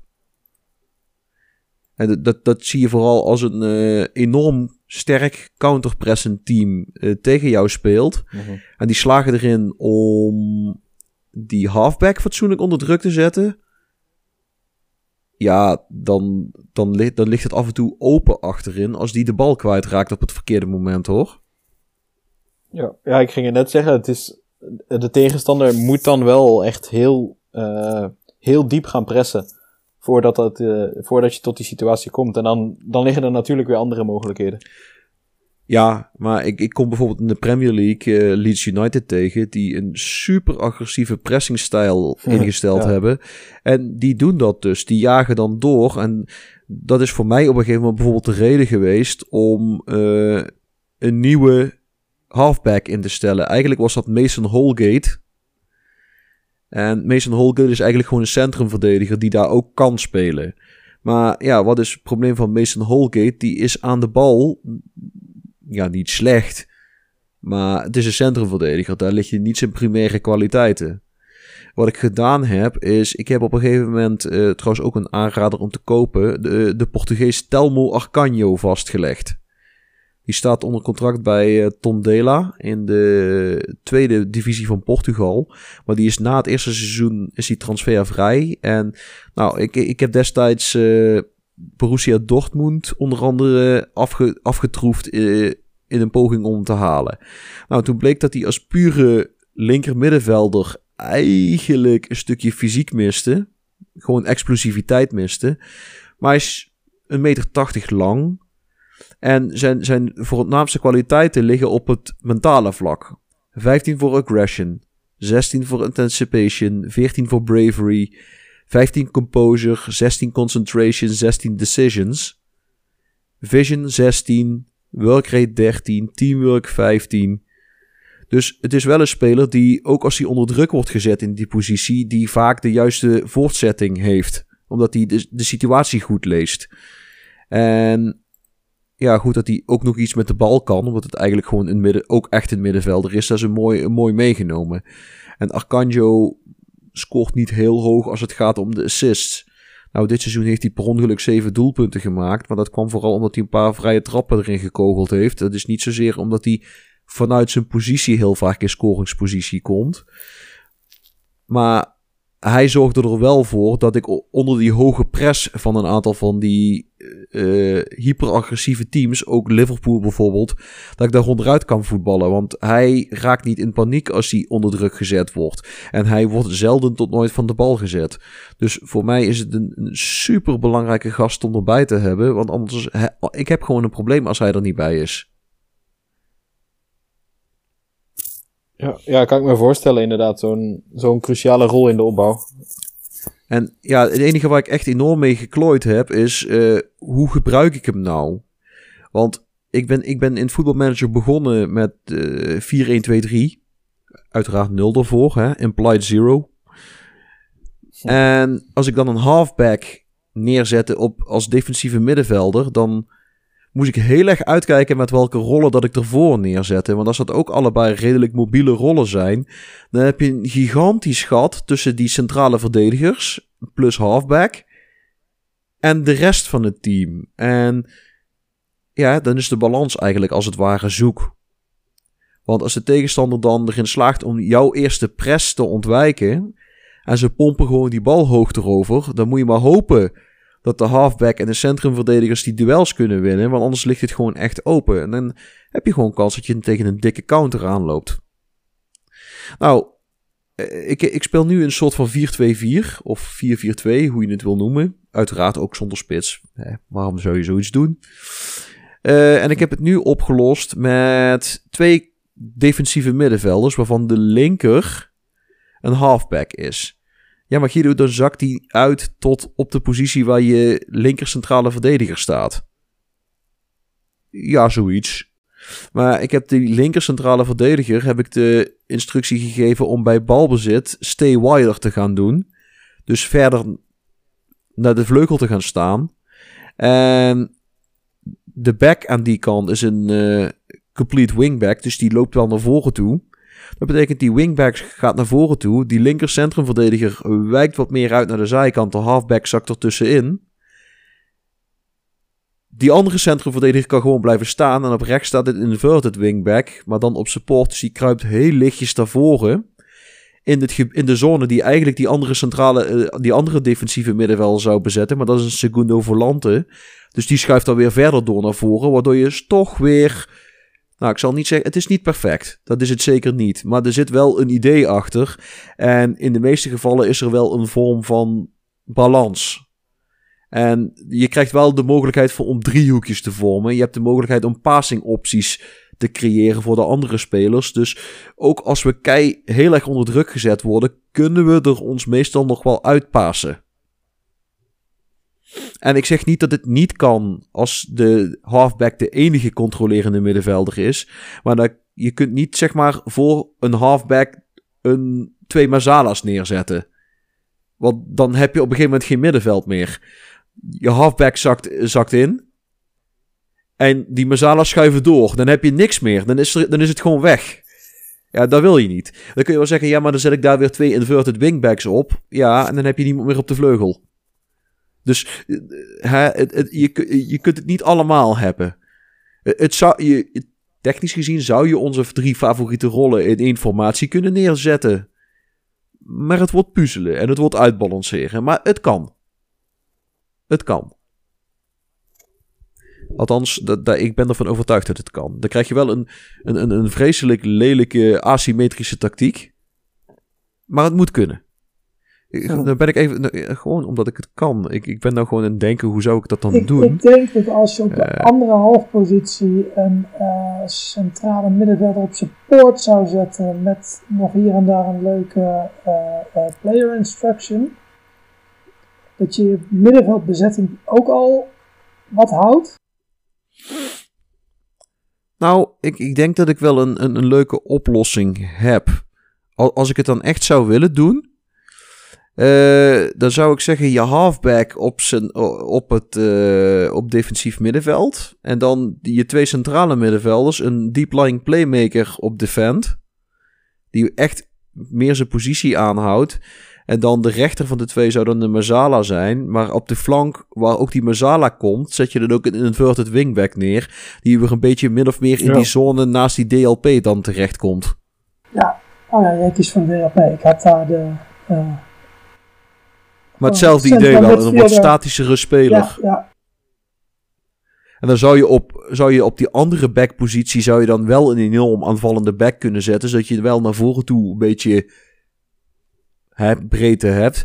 Of afhankelijk van hoe je, eh, hoe je de rest van de zaak opstelt. Ook op links gewoon iemand zetten die vooral zijn positie, in, eh, die vooral zijn positie houdt.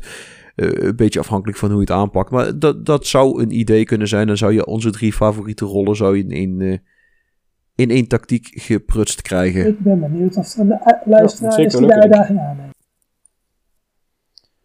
Ja, of dat het iets voor de, voor de estafette Dat game zou is. ook wel een mooie zijn. Oeh ja. Kijk, opties, opties, opties, opties. Ik, ik had wel nog Ehm. een eh, vraag, eh, Guido. Want je, je gebruikte Shoot. Je gebruikte Frenkie de Jong bij Ajax als voorbeeld. Ehm, nou zakte die vaak niet uit tussen de twee centrale verdedigers. Maar als de linker van die centrale verdedigers. Waarbij de linker centrale verdediger juist de middenpositie koos. Is dat na te bootsen in eh voetbalmanager? Of zeg je dat wordt wel erg ingewikkeld? Nee, Nee, dat is, dat is niet na te bootsen. Dat, dat, ga, dat ga je niet geregeld krijgen. nee. Ik heb het ook al, ik heb het vanmiddag nog eens geprobeerd. Eh, vorige FM ook geprobeerd. Dus ook inderdaad eigenlijk wat Guido nu had gedaan met zijn eh, centrale verdediger. Dat probeerde ik dus met de halfback. Dus de halfback de stay wider meegeven, maar dat werkt niet. Nee, dat, eh, het, het is een. eh, hè, er zijn gewoon dingen die je op dit moment gewoon nog niet kan. En dit is er daar één van. Ja. Eh, die, die instructies kun je niet meegeven. Hetzelfde, ik zag. De, ik, ik heb een, een heel goed artikel gelezen laatst. Ik dwaal af, maar hè, vergeef me maar gewoon. Ehm, en dat ging eh, over de, de pocketback. En, of de elbowback noemden ze het, geloof ik. Nee, de elbowback was Ja, het. En dat zal da- het zijn. Precies, en dat, dat, daarmee bedoelden ze eigenlijk een, een, eh, een back die terug naar binnen toe kwam, om dan met de andere twee centrumverdedigers een, een driemans achterhoede te vormen.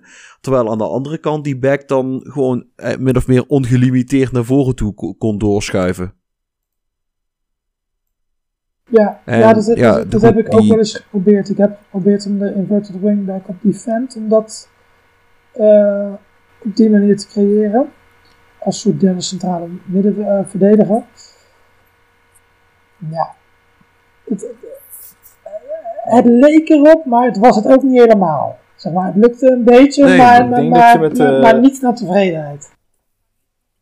Met de no-nonsense eh, back op defend kom je nog het dichtst in de buurt, denk ik, van die rol. Maar ook daarmee. En dan, ja, daar zitten dan weer zoveel andere beperkingen aan die rol, dat het uiteindelijk toch niet, niet leuk Ja. speelt. Maar als je het dan hebt over een speler die dat eh, ook gewoon echt doet, eh, is bijvoorbeeld Kyle Walker van, eh, van Man City.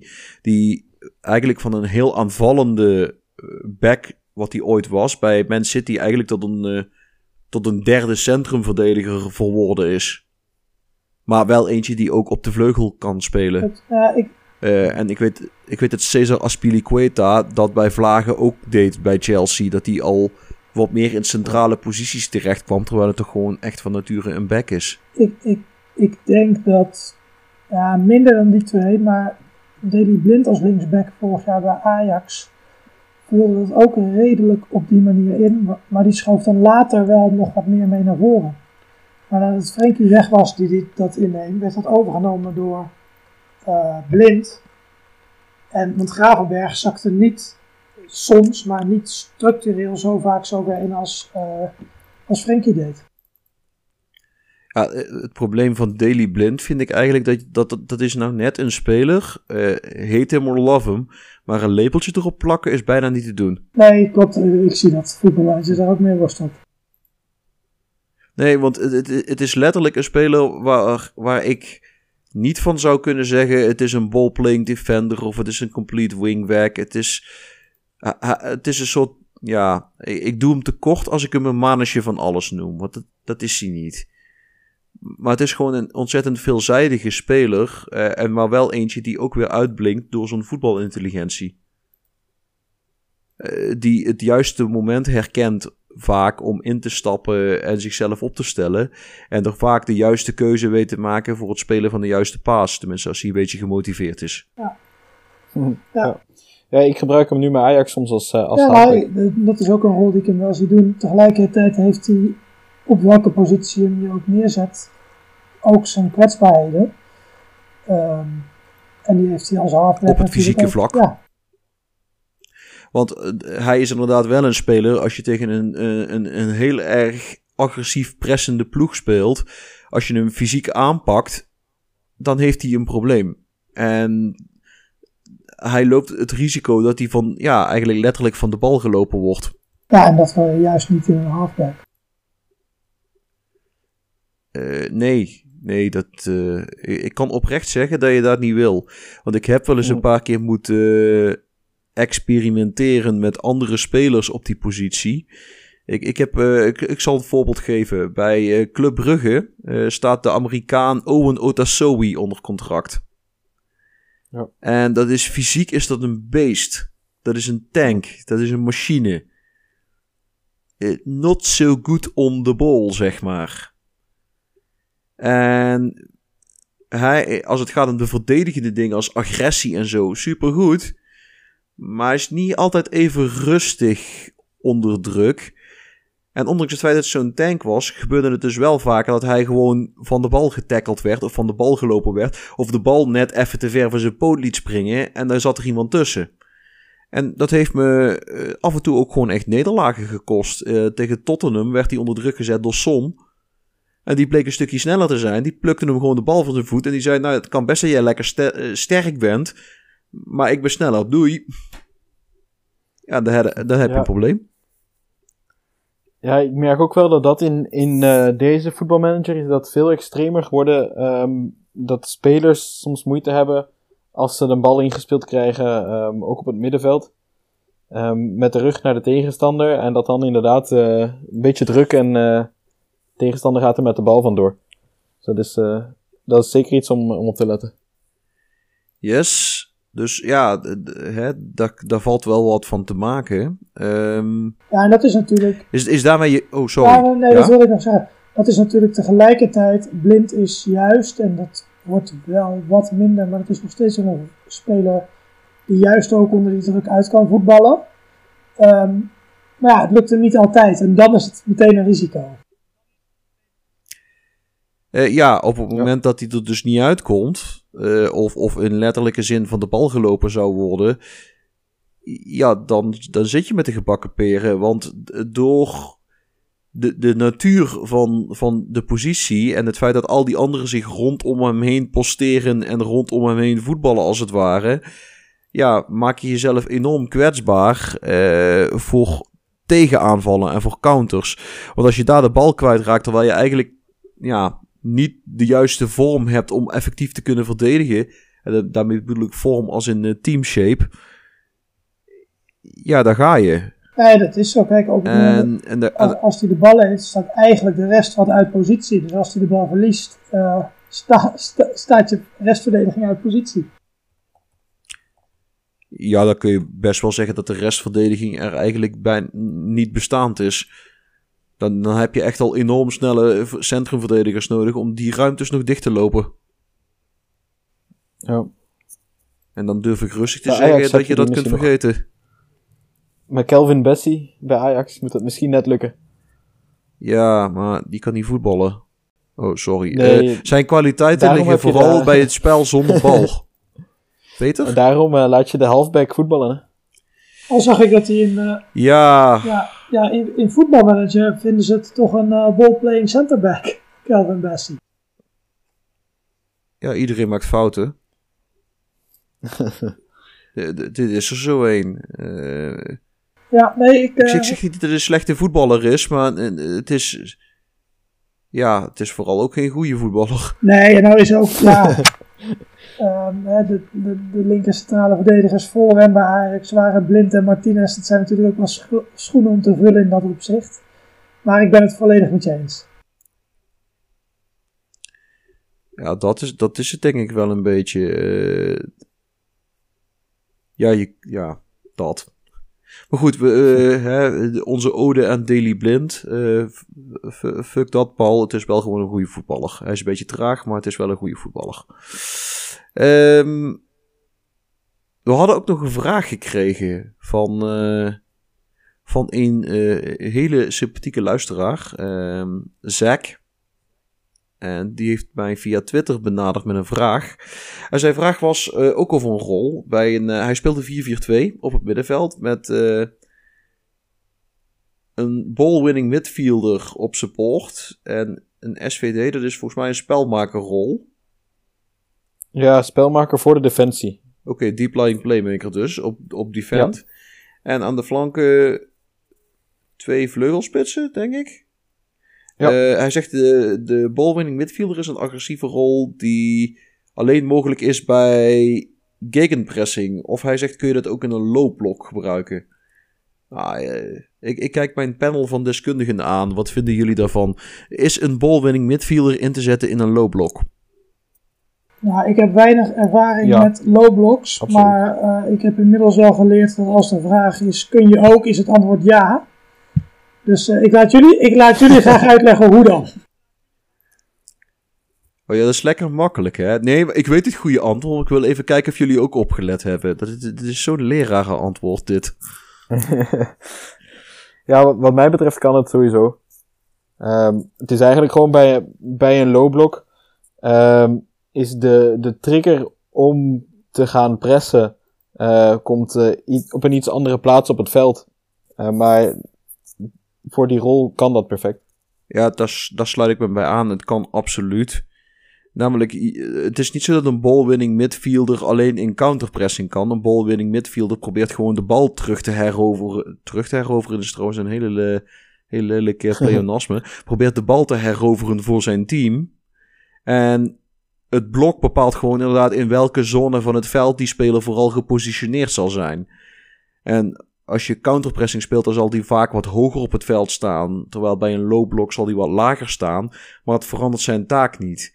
En ook in een low block uh, kun je ervoor kiezen om counterpressing te spelen. Counterpressing hoeft niet per se high block te zijn. Ik speel ook counterpressing, maar ik speel toch echt met een low block. Mijn, mijn centrumverdedigers staan net buiten de eigen 16 meter. Laat ze maar komen. Ik, ik, had, ik heb vrij trage centrumverdedigers. Die, ik ga die echt niet met 30 meter ruimte in hun rug laten spelen. Dat gaat fout. Maar ik speel ook counterpressing. Het kan wel. Ja, ja inderdaad. Een, een low block betekent niet per se dat je weinig prest. Het betekent gewoon dat je later op het veld pas begint te pressen. Precies, je, laat ze wat verder komen. En als je dan een paar Koen Specials op de vleugel hebt staan, nou, dan kom je er ook alweer snel uit, hoor. Wat natuurlijk wel, dus, uh, natuurlijk wel nog geldt is voor die ballwinning midfielder als je dan merkt dat hij te vaak uit positie loopt. Um, dat is sowieso wel een eigenschap van de, van de rol, maar als je, de, uh, als je hem op verdedigen zet in plaats van op ondersteunen, dan uh, eh, verminder je dat al wel. Dus dat is nog een aanpassing die je dan zou kunnen doen. Yes. Dat is, eh, dat Dat is is absoluut waar. Maar daarom denk ik ook dat de combinatie bij hem met de, ehm, met de spelmaker voor de defensie, die gaat sowieso wel op die plaats blijven. Dus Ja, nee, ik, ik denk dat zie hij die combinatie ook wel. ingevuld. hè, dus dat- was niet per se dat ik dat adviseer. Maar als je merkt van, hé, hey, Ja. op deze manier werkt het niet, zou je die aanpassing nog eens kunnen proberen. Zeker. Yes. Nou, ik, denk, Zack, dat we daarmee jouw vraag eh, efficiënt beantwoord hebben. Eh, mocht, je, mocht je het daar niet mee eens zijn of mochten er vervolgvragen zijn, dan horen wij graag van jou. Dan gaan we naar, naar onze laatste rubriek van deze aflevering. Speler, club en boek van de week. En ik, eh, ik schiet Erik als eerste aan. Want Erik had een. eh ik had een speler. Toch? What is going on here? He's done it again! Oh, genius! Absolute genius! De speler van de week. Ja, klopt inderdaad. En eh, ja, uiteraard heb ik iemand gekozen die eh, op de back kan spelen. Onder andere als eh, inverted wingback. En eh, ja, we zitten bij het moment van de opname ook nog eh, zeker midden in, het, eh, midden in het WK. Dus ik heb een speler genomen van toch wel een land dat ik leuk vind spelen op het WK, namelijk Canada. En dan heb ik het over Jaquil Marshall Rutty.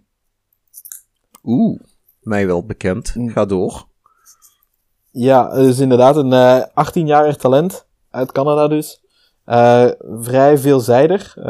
Kan eigenlijk zowel links als rechts eh, op elke positie op de flank spelen. Eh, heeft veel potentieel om, eh, om door te groeien. Speelt in eerste instantie bij Toronto FC. En ook wel leuk aan hem, hij heeft direct als je de game start, als je in een Europese competitie start, heeft hij direct een aflopend contract op eh, 31 december. Dus kunt hem direct gratis binnenhalen. Kijk. Dat zijn de. Dat zijn de mooiere. De mooiere spelertjes om binnen te hengelen dan. Absoluut. En echt, ja, wat ik al zei, heel veelzijdig. Ehm, ja, ook goede passing. Dus eh, als, als inverted wingback eh, ook zeer goed te gebruiken. Ja, en heet Jaquiel. Dat is sowieso al tof. Nee, Ik zie dat hij hier in mijn save is hij bij eh, Leeds United terechtgekomen. Daar is hij niet echt doorgebroken in de Premier League, maar in de Championship bij Portsmouth en Sheffield doet hij het goed. En eh, hij is nu verhuurd aan Sochaux in de League 1. Dus ja, eh, he- hele degelijke speler. Kun je je lol Ja. mee op. Zeker. Eh, even kijken, de club van de week, die, die zou ik doen.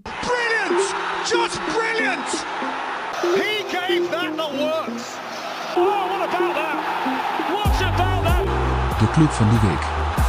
En ik heb gekozen voor eh, een club die past bij het thema. Hoe bedoel je dat? Ga ik het nou hebben over een club met rollen? Nee. Maar weet je nog dat we het in de intro hadden over comfortzone, het oude en vertrouwde, het warme bad? Nou, dat dus. De club waar ik voor gekozen heb is eh Anorthosis Famagusta uit Cyprus. Ja, maar Guido, dat is geen standaard speelbare competitie. Hou je kop. Eh, er zijn inmiddels genoeg custom files waarmee je dat gewoon speelbaar kunt maken. En dus kiezen we gewoon voor een club uit Cyprus. Gewoon omdat het kan. Mooie club. Eh Anorthosis is de laatste jaren niet meer een traditionele, niet niet meer een topclub in, eh, in Cyprus. Maar het was wel een traditionele topclub. 13 landstitels gewonnen, dus hè, dan kun je wel wat. En het is een van de drie clubs uit Cyprus die altijd op het hoogste niveau is uitgekomen. Nou, eh, het logo van Anorthosis, eh dat is gaaf. Daar staan de Phoenix op. Hè, dan hebben we het over die eh, mythische Griekse vuurvogel. En daar hangt ook een verhaal aan vast. Namelijk Anorthosis. Hè, de naam van de club is Anorthosis Famagusta. En Famagusta is uiteraard een stad op Cyprus. Want hè, de, daar, spelen, daar zijn ze van afkomstig. Alleen Famagusta eh, ligt in het deel van Cyprus wat eh, bezet is door Turkije. Eh, waar de Turkse Republiek van Noord-Cyprus gevestigd is. En ja, daar kan Anorthosis dus niet voetballen. Uh, ze zijn ontheemd. Ze zijn verdreven uit hun thuisstad en actief, uh, moet ik even niet liegen. Uh, volgens mij delen ze een stadion met een van de ploegen uit Larnaca. Uh, en om die, ja, dat, dat hele voorval een beetje te herdenken, een plek te geven, hebben ze dus de Phoenix in hun logo op, opgenomen. Want ze zijn verdreven, ze zijn verjaagd, ze zijn vergaan. Maar ze zijn weer opge... Uit, uit de vlammen zijn ze herrezen. En zijn ze opnieuw opgekomen. Daarnaast is het uh, een club waar ik in het verleden al eens een keer uh, hele mooie save games mee gehad heb. Vind ik tof. Dat doet wel wat voor mij. Eh het is ook een club die, waar een ontzettende voetballende cultheld trainer geweest is. Namelijk, trouwens nog steeds trainer is, dacht ik. Temuri Kets... Oh, niet meer inmiddels. Temuri Ketsbaya is daar een, een tijd lang trainer geweest. En toen zat er ook hm. een kleine Georgische enclave van spelers. Nou, van die enclave zijn er nog twee over. Uh, Afto Ebralitse en Georgi Loria. Nou ja, voor de rest is de Cypriotische competitie is een beetje een... Uh, ja, hoe zeg ik dat even netjes? Een vergaarbakje van tweede rangs Portugese, Spanjaarden, Balkanjongens, Brazilianen en andere anderszins gelukzoekers. Um, op het moment hebben ze een paar bekende namen onder contract staan. Uh, Abdul Majid Waris, die onder meer bij Porto en Nantes en Strasbourg onder contract gestaan heeft. Uh, eh, 31-voudig international van Ghana. Uh, Jason Punchen, die is wel al 36, maar die heeft bij Crystal Palace jarenlang in de Premier League gespeeld. Dus die kan op zich ook wel wat. En ja, voor de rest zijn het inderdaad meer, meer de gelukzoekers. Er, er rent echt van alles rond. Uh, ze hebben onder andere twee uh, Armenen onder contract staan. Een speler uit Tjaad. Slowaken, Portugezen, Kroaten, Grieken, Georgiërs. Dus ja, er rent van alles rond. Voor je pokerplayer zou je gelijk een heel eind op weg zijn. Anatosis van Makusta. Had ik al gezegd dat ik daar ook op bij, tijdens mijn huwelijksreis ben aanbeland. Volgens mij wel. Nou, het, dat is alles voorbij gekomen. Het is al eens voorbij gekomen. Ik heb, we hebben het ook gedaan. Uh, ik, ik bewaar warme herinneringen aan de club. En vandaar uh, past die, wat mij betreft, in deze aflevering. Huub. Mooie keuze. Het boek van de week. It's just the most extraordinary scenario you could have dreamt of. The unthinkable unfolds before our eyes. Het boek van de week. Uh, ja, boek van de week is een, uh, is een klassieker. Uh, ik vond het wel eens tijd worden dat hij boek van de week was. werd. Hij is al wel eens genoemd, maar nog nooit echt als boek van de week. en hij sluit denk ik mooi aan bij de, een best wel tactische aflevering als deze. Ehm, ik heb het namelijk over Inverting the Pyramid van Jonathan Wilson. Um, in het Nederlands heet hij 442 geschiedenis van de voetbaltactiek. En eigenlijk vanaf het ontstaan van het spel in Engeland uh, tot, ik denk 2004, 2006 ongeveer. In elk geval de versie die ik heb, schrijft hij hoe, hoe voetbaltactiek zich heeft ontwikkeld. Hij loopt daarbij langs uh, allerlei belangrijke momenten in de geschiedenis. Uh, zowel in Europa als Zuid-Amerika, in de, in de geschiedenis van het voetbal uiteraard. Um, de ontwikkelingen in Wenen, uh, de Hongaren die het voetbal veranderden, um, Catenaccio in Italië, de gelijktijdige opkomst van uh, verschillende filosofieën, maar wel gelijkaardig voetbal en een gelijke visie op voetbal. Uh, met Nederland, met het totaalvoetbal van Cruijff en Michels, Terwijl Valerio Lobano uh, Valerie Lobanovsky een, een, een gelijkaardig uh, spel bij Dynamo Kiev in Oekraïne aan het ontwikkelen was. Um, nou, en dan naar, nou, eigenlijk uh, langzaamaan naar deze tijd. Uiteraard ook veel aandacht voor ontwikkelingen in Engeland. Um, En dat hij pas later de gebeurtenissen op het uh, vasteland van Europa zijn gaan uh, omarmen. Twee dingen die ik daarin speciaal interessant vond, al zijn het maar kleine dingetjes. er gaat ook een stukje over hoe nou vanuit de oorspronkelijke 235 verdeling, waar de rugnummers heel logisch was, eigenlijk de huidige rugnummering uit voortgekomen is. Um, de huidige verdeling van rugnummers is gewoon nog terug te vinden in uh, de oorspronkelijke rugnummers van het 235 systeem. En ook uh, dat dat tussen landen verschilt. Um, dat wat bij ons de 6 is, is in Spanje bijvoorbeeld vaak de 4. Uh, dus ja, die vond ik heel interessant. En een voorspelling die in de praktijk nog niet helemaal is uitgekomen, die aan het eind van het boek uh, plaatsvindt, of een soort vermoeden dat uitgesproken wordt.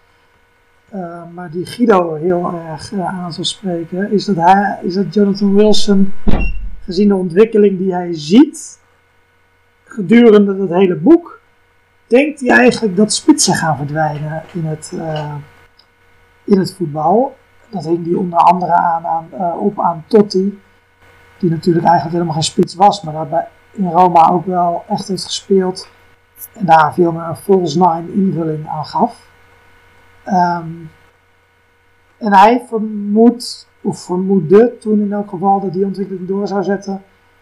Totdat er geen spits, zou, geen echte spits meer zou zijn. Slimme man.